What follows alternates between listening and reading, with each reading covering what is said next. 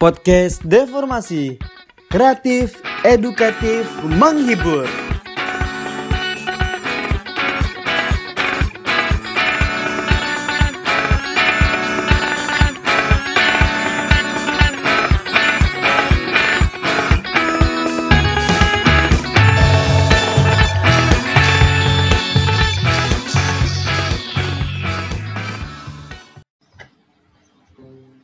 halo Sobat Solid. Nah, kembali lagi nih di podcast Deformasi MTM ITB.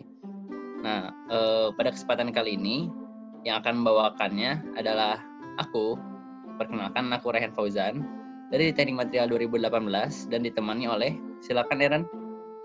Ya, kenalin. Nama Oke. Eh, kalau gitu alhamdulillah kalau Bapak baik dan eh, pekerjaannya tetap ke pabrik ya Pak ya. Semoga sehat selalu dan dilancarkan segala sesuatunya. Nah, boleh nih kita masuk ke topik utama kita yaitu eh, mengenai material komposit karena material komposit ini katanya digunakan dengan eh, secara besar di perusahaan Pak Budi ini. Silakan Aaron. Ya, oke. Uh, jadi Pak, dari kami sendiri nih kami penasaran. Sebenarnya tuh uh, pa- pasti udah sering lah ya kita dengar yang namanya komposit, komposit, komposit. Tapi komposit tuh sebenarnya tuh apa? Maksudnya tuh kayak uh, general mungkin mungkin ya Pak. Kira-kira kita bisa bilang material komposit itu sebenarnya apa?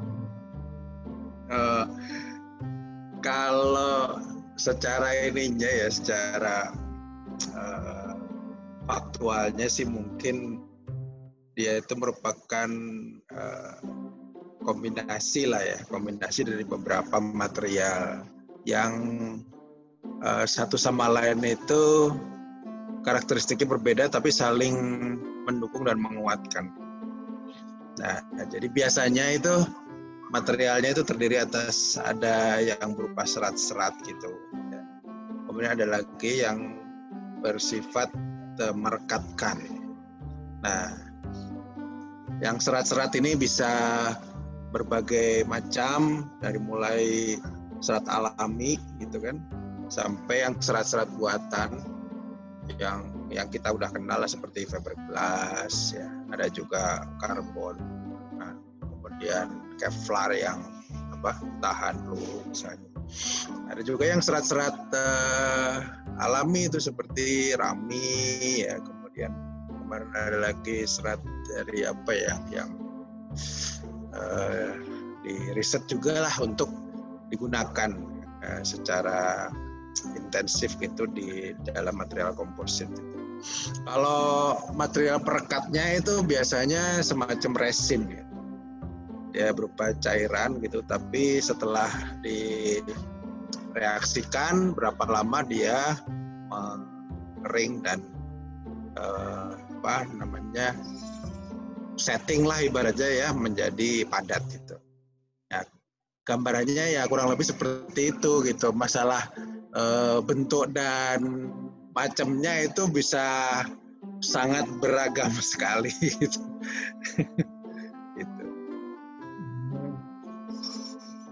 Itu gambarannya umum ya. Gambaran umum. Berarti dia kayak, kayak tadi kombinasi material gitu ya Pak ya. Nah, kalau misalkan aplikasinya kira-kira kayak gimana ya Pak? Kan eh, tadi Bapak bilang kayak bentuknya sama itu kita bisa bikin, kita atur sendiri gitu kan Pak. Terus kira-kira Nah, selama ini kan eh, kita itu membuat eh, komponen-komponen dari eh, mesin, nah, apakah itu ya eh, kalau kalau di perusahaan Bapak sendiri kira-kira kompositnya dibuat apa aja Pak? ya memang selama ini ya ben- bentuk-bentuknya itu sesuai dengan yang dirancang oleh eh, para engineer gitu ya, gitu. Jadi ya menyesuaikan aja Mungkin bisa kita lanjut aja ya. ya.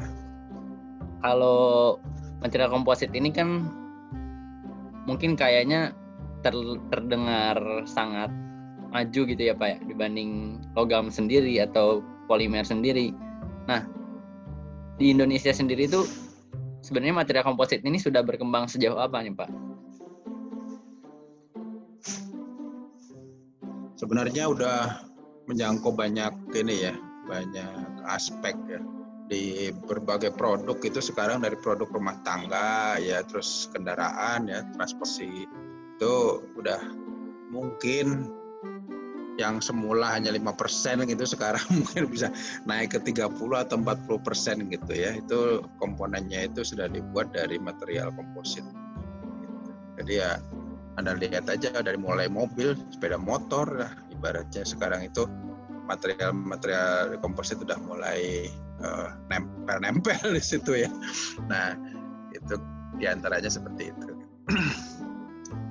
oh, Oke, okay, baik. Setidaknya mungkin kita dapat gambaran lah ya tentang material komposit itu sendiri. Nah, kalau uh, Bapak sendiri nih Pak, di perusahaan Bapak ini bergeraknya itu di bidang apa Pak sebenarnya Pak? Karena tadi kan saya cuma menyebutkannya aeromodeling saja, mungkin bisa lebih digambarkan Pak. Iya, ya basicnya sebenarnya uh, bidangnya adalah model aeronautics ya. Jadi ya membuat pesawat model gitu, pesawat tanpa awak. Nah, kalau pesawat model itu sebenarnya bisa dibagi beberapa ada levelnya toys gitu, mainan anak-anak, ada hobis gitu untuk kegiatan olahraga. Uh, dan juga ada yang untuk profesional. Nah, biasanya pesawat-pesawat tanpa awak itu adalah yang untuk profesional gitu. Jadi bukan untuk hobis. Nah, kami awalnya di di sana bergerak itu. Cuman berjalannya waktu sekarang itu banyak uh, institusi yang meminta kami membuat juga eh, pesawat-pesawat uh, atau mungkin juga ibaratnya perangkat-perangkat untuk uh, melatih uh, perawatan pesawat udara. Nah, jadi ibaratnya membuat pesawat tapi tidak diterbangkan gitu ya. Jadi pesawat-pesawatnya biasanya hanya untuk digunakan uh, dibongkar pasang oleh para calon teknisi gitu. Ibaratnya supaya belajar belajar inilah belajar jadi mekanik gitu. Nah itu seperti itu. Sekarang itu uh, kami ini udah lima tahun lah ibaratnya mensuplai peralatan untuk perawatan uh, pesawat udara itu. Dari mulai yang berada di institusi dalam negeri kayak ITB misalnya gitu ya Politeknik ya, Politeknik penerbangan gitu sampai ke keluar ya kami sudah ekspor ke Bangkok, ke Thailand, eh, ke Malaysia. Oke, ya.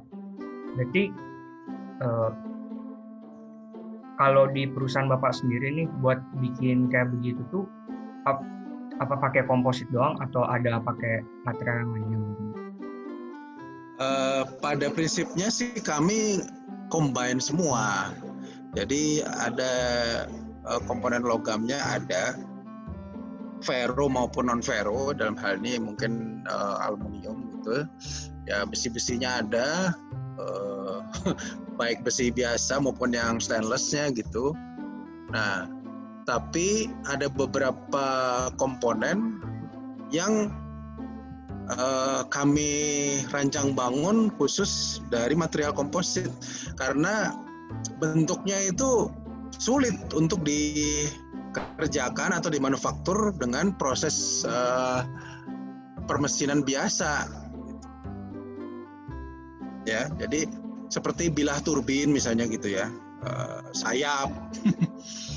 Wah, bentuknya airfoil begitu lumayan tuh CNC atau gimana.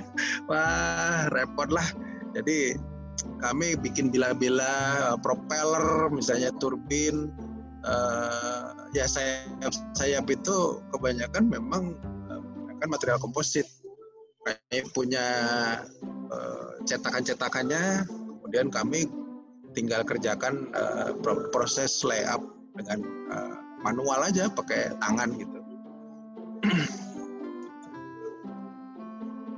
Berarti lumayan besar ya pengaruh komposit di bisnis aeromodeling dan yang Bapak bikin itu berarti ya Pak ya? Ya, kalau saya lihat di sebenarnya di mungkin ya di bisnis eh, produk-produk transportasi baik itu di darat, di laut maupun di udara gitu. Itu komposit sangat berperan dalam hal ini. Semakin uh, ringan ke apa artinya ke speknya itu harus ringan misalnya untuk penggunaan di pesawat udara misalnya maka solusi komposit ini sudah mutlak nggak ada alternatifnya pakai material logam. Udah nggak bisa itu. Gitu. harus pakai komposit. Nah, dan kompositnya harus pilihan bener.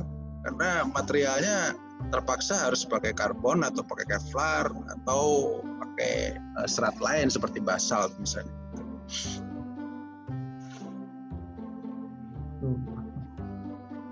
Uh, uh, sebentar Pak, uh, tapi saya mau nanya sedikit nih Pak. Kalau di tempat Bapak sendiri bikin kompositnya berarti yang metode roll aja atau ada metode lainnya Pak? Kami itu metodenya masih uh, konvensional nih. Jadi kami layup pakai uh, tangan, dikuasin gitu kayak orang ngecat gitu ya. Jadi uh, apa namanya lembaran uh, fibernya itu misalnya ditaruh di atas cetakan, ya, kemudian kami basahi pakai resin, pakai roll atau pakai kuas gitu. Nanti layer kedua tempel di situ gitu. Ada reinforce, pasang. Masih manual banget itu. Jadi uh, apa ya? Penggunaan robot-robotnya masih belum belum inilah, belum belum memungkinkan gitu belum memungkinkan. Tapi saya lihat di di Cina juga ibaratnya mereka masih uh, masih ngandalin tangan-tangan orang ya. Jadi uh, sumber daya manusianya masih sangat uh, diperlukan di sini gitu. Apa istilahnya padat karya ya. gitu. Oke, Pak. Uh, terus peran anak teknik material nih, Pak, dalam uh, metode manufaktur yang seperti itu tuh seberapa seberapa besar sih pak? Seberapa perlunya kita anak ya. teknik ya. material? Jadi gini, ya sekarang sekarang itu zamannya industri 4.0 sekarang itu. Nah, jadi ibaratnya orang-orang itu sekarang bisa memesan barang-barang termasuk mesin dan sebagainya gitu ya yang sifatnya customize customize. Artinya, Pak, saya pengen bikin perangkat yang seperti ini, speknya begini, begini, begini, begini, begini, gitu. Nah, kalau udah begitu, ibaratnya, maka kita sebagai yang terima kerjaan lah ibaratnya ya, itu harus bisa merancang bangun peralatan yang kita yang akan di sampaikan kepada yang pesan tadi itu. Nah, tentunya di sini memerlukan banyak engineers nih ceritanya dalam proses rancang bangunnya itu dari mulai gambar-gambar, dari mulai ngitung-ngitung ya. Ya itu ibaratnya masih sangat diperlukan di situ. Intensif banget lah ibaratnya ya. Sehingga tanpa mereka itu nggak akan berwujud tuh itu. Seandainya berwujud bisa sembarangan tapi di jalan bisa putus. Bisa apa namanya? Ya kalau yang berputar itu ya kadang-kadang berbahaya itu kalau tidak dianalisis dengan benar kekuatannya ya tangan dan sebagainya gitu. Bisa bunuh orang. Nah, sehingga uh, di sinilah per perannya para para insinyur ya. Eh, baik itu mengenai materialnya sendiri maupun mungkin ke komponen-komponennya gitu ya. Ya yang uh, apa sih istilahnya dulu tuh? Uh, elemen mesin gitu lah. Gak tahu masih ada nggak atau mata kuliah itu ya di kalian itu? Udah nggak ada. Nggak ada. Aduh. Oke, berarti perannya ya pasti ada lah ya Pak ya dari jurusan kami, jurusan teknik material dan juga pasti dibantu juga oleh teman-teman dari jurusan lain bisa Iyalah. Tuh bisa berkombinasi gitu, kolaborasi. Nah, Iya. saya juga dengar-dengar nih Pak, katanya ada pengalaman Bapak dalam membuat proyek wind turbine bersama anak-anak Politeknik dan SMK. Itu ceritanya gimana tuh Pak? Kayaknya menarik banget tuh. Iya. ya sebenarnya basicnya eh, karena saya itu orang aeronautik gitu. Eh, saya tuh saya nggak begitu percaya sama orang-orang itu yang bilang bahwa angin di Indonesia itu kurang potensial gitu untuk eh, menghasilkan energi listrik gitu. Makanya saya eh, bikin turbin tapi kecil gitu ya so, saya penasaran gitu saya rancang benar itunya bilah-bilahnya itu kemudian saya uji di terowongan angin gitu nah dari penero- dari terowongan angin itu saya dapat eh, hasil bahwa turbin saya itu bisa berputar di kecepatan angin rata-rata sekitar tiga setengah meter per detik dan dia akan berhenti setelah anginnya itu benar-benar mencapai satu meter per detik saja. Oh, Artinya pelan banget itu tuh gitu. Ya. Loh kalau begini caranya kenapa orang bilang nggak potensial gitu? Makanya saya uh, bikin turbin itu. Nah uh, dua tahun yang lalu turbin itu saya coba dipasang di Pantura, Pantai Utara, Jawa, daerah Subang gitu. Nah itu kebetulan ada yang mendanai dari CSR uh, Pertamina. Nah, pasang di sana itu diameternya dua meter setengah itu turbinnya dan dayanya itu satu kilowatt itu listriknya. Nah uh, saya ingin membuktikan gitu apakah turbin itu memang benar bisa beroperasi atau lebih banyak berhentinya gitu. saya pengen membuktikan itu dan setelah dipasang eh, ternyata saya bisa membuktikan bahwa turbin buatan Indonesia itu gitu kan ternyata jarang berhenti. Artinya dalam kondisi yang tidak berangin sekalipun gitu ya baik itu maghrib maupun subuh gitu. Itu ternyata turbin masih berputar. Jadi ini eh, berbeda dengan yang dikemukakan oleh teman-teman dari eh, Lapan ya waktu itu yang menilai bahwa kecepatan angin di Indonesia itu kurang potensial gitu karena kecepatannya masih di bawah 7 meter per detik. Nah saya bisa buktikan bahwa dengan kecepatan hanya sekitar tiga setengah 4 meter per detik itu udah bisa menghasilkan energi listrik. Nah untuk itu maka sekarang saya ajak ke beberapa perguruan tinggi untuk mulai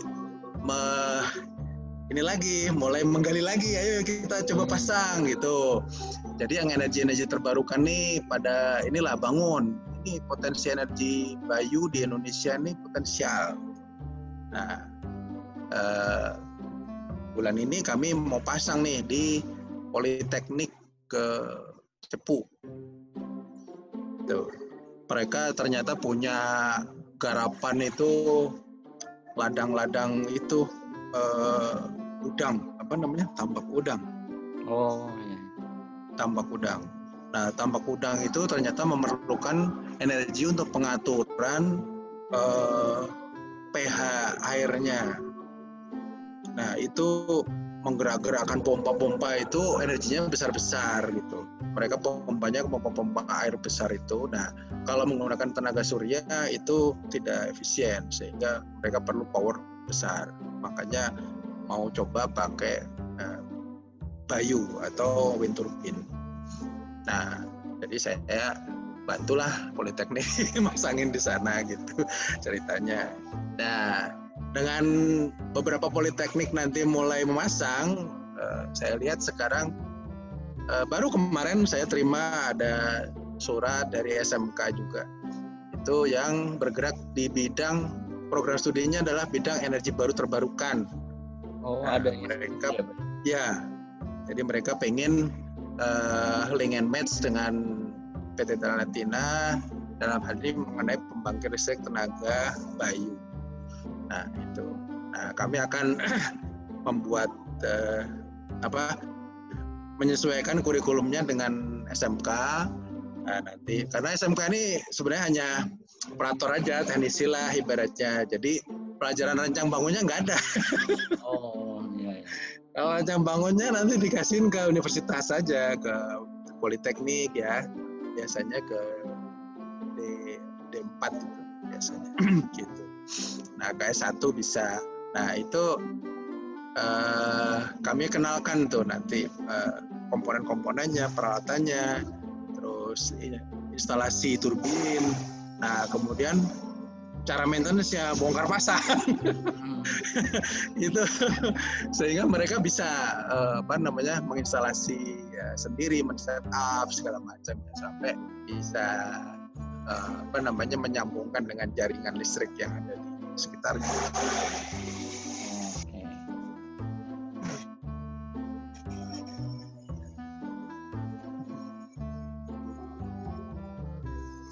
Oh, kira-kira gitu ya ceritanya ya.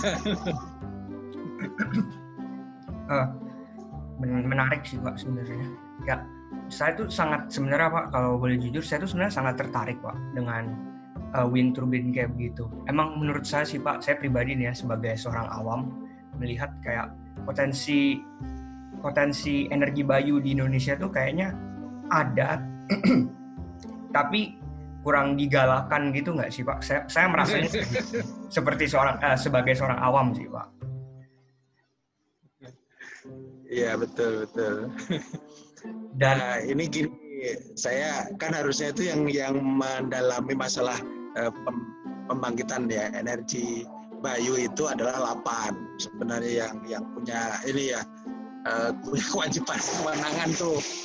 Tapi uh, mungkin sekitar tiga tahun, empat lima tahun yang lalu lah gitu. Saya dengar-dengar gitu divisi mengenai energi baru terbarukan itu yang urusan bayu itu di lapan itu udah di udah di udah dihilangin gitu. Ya.